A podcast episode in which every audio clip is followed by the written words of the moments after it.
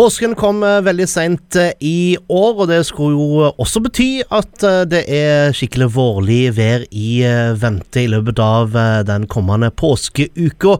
Olav Krogstedt, vakthavende meteorolog ved Storm Geo. Hvordan ser værutsiktene ut for oss her på Sør- og Østlandet? Ja, det ser veldig bra ut. I dag er det jo klarvær, rett og slett. Så å si i hvert fall. Det var noe sky innom Kristiansand før i dag, så jeg man gikk forbi. Ehm, det er et skikkelig høytrykk som ligger over hele Skandinavia. Så det blir mye fint vær. Unntaket er faktisk i morgen. Eh, da kommer det inn bitte, bitte litt skyer fra øst. Så det kan gi eh, på ettermiddagen og kvelden. Det kan faktisk hende at det kommer noe drypp fra skyene òg i morgen ettermiddag. Men det er bare veldig forbigående, og så blir det fint igjen fra onsdag. Og da ser det ut som det holder seg kanskje hele påsken.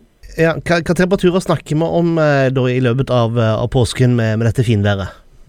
Ja, Det stiger gradvis. Det er ikke så veldig mildt nå. Det er vel 10 grader i dag, 10-11 grader. Men når vi kommer til helga, så blir det en sånn 16-18 grader i låglandet i hvert fall. Litt kaldere i fjellet selvfølgelig, men så, det stiger gradvis litt, litt hver dag framover. Hmm. Er det noen uh, unntak, uh, noen plasser som, som, skiller seg ut i en eller andre retningen? Nei, egentlig ikke. Det er mye det samme været. Det er egentlig det samme været overalt. Uh, men akkurat i morgen da, så kommer, de, kommer de skyene inn litt lengst sør på Sørlandet, mens det fortsatt er fint nord på Østlandet. Ut, utover, utover, det så er det, blir det mye fint vær over hele området. Metro.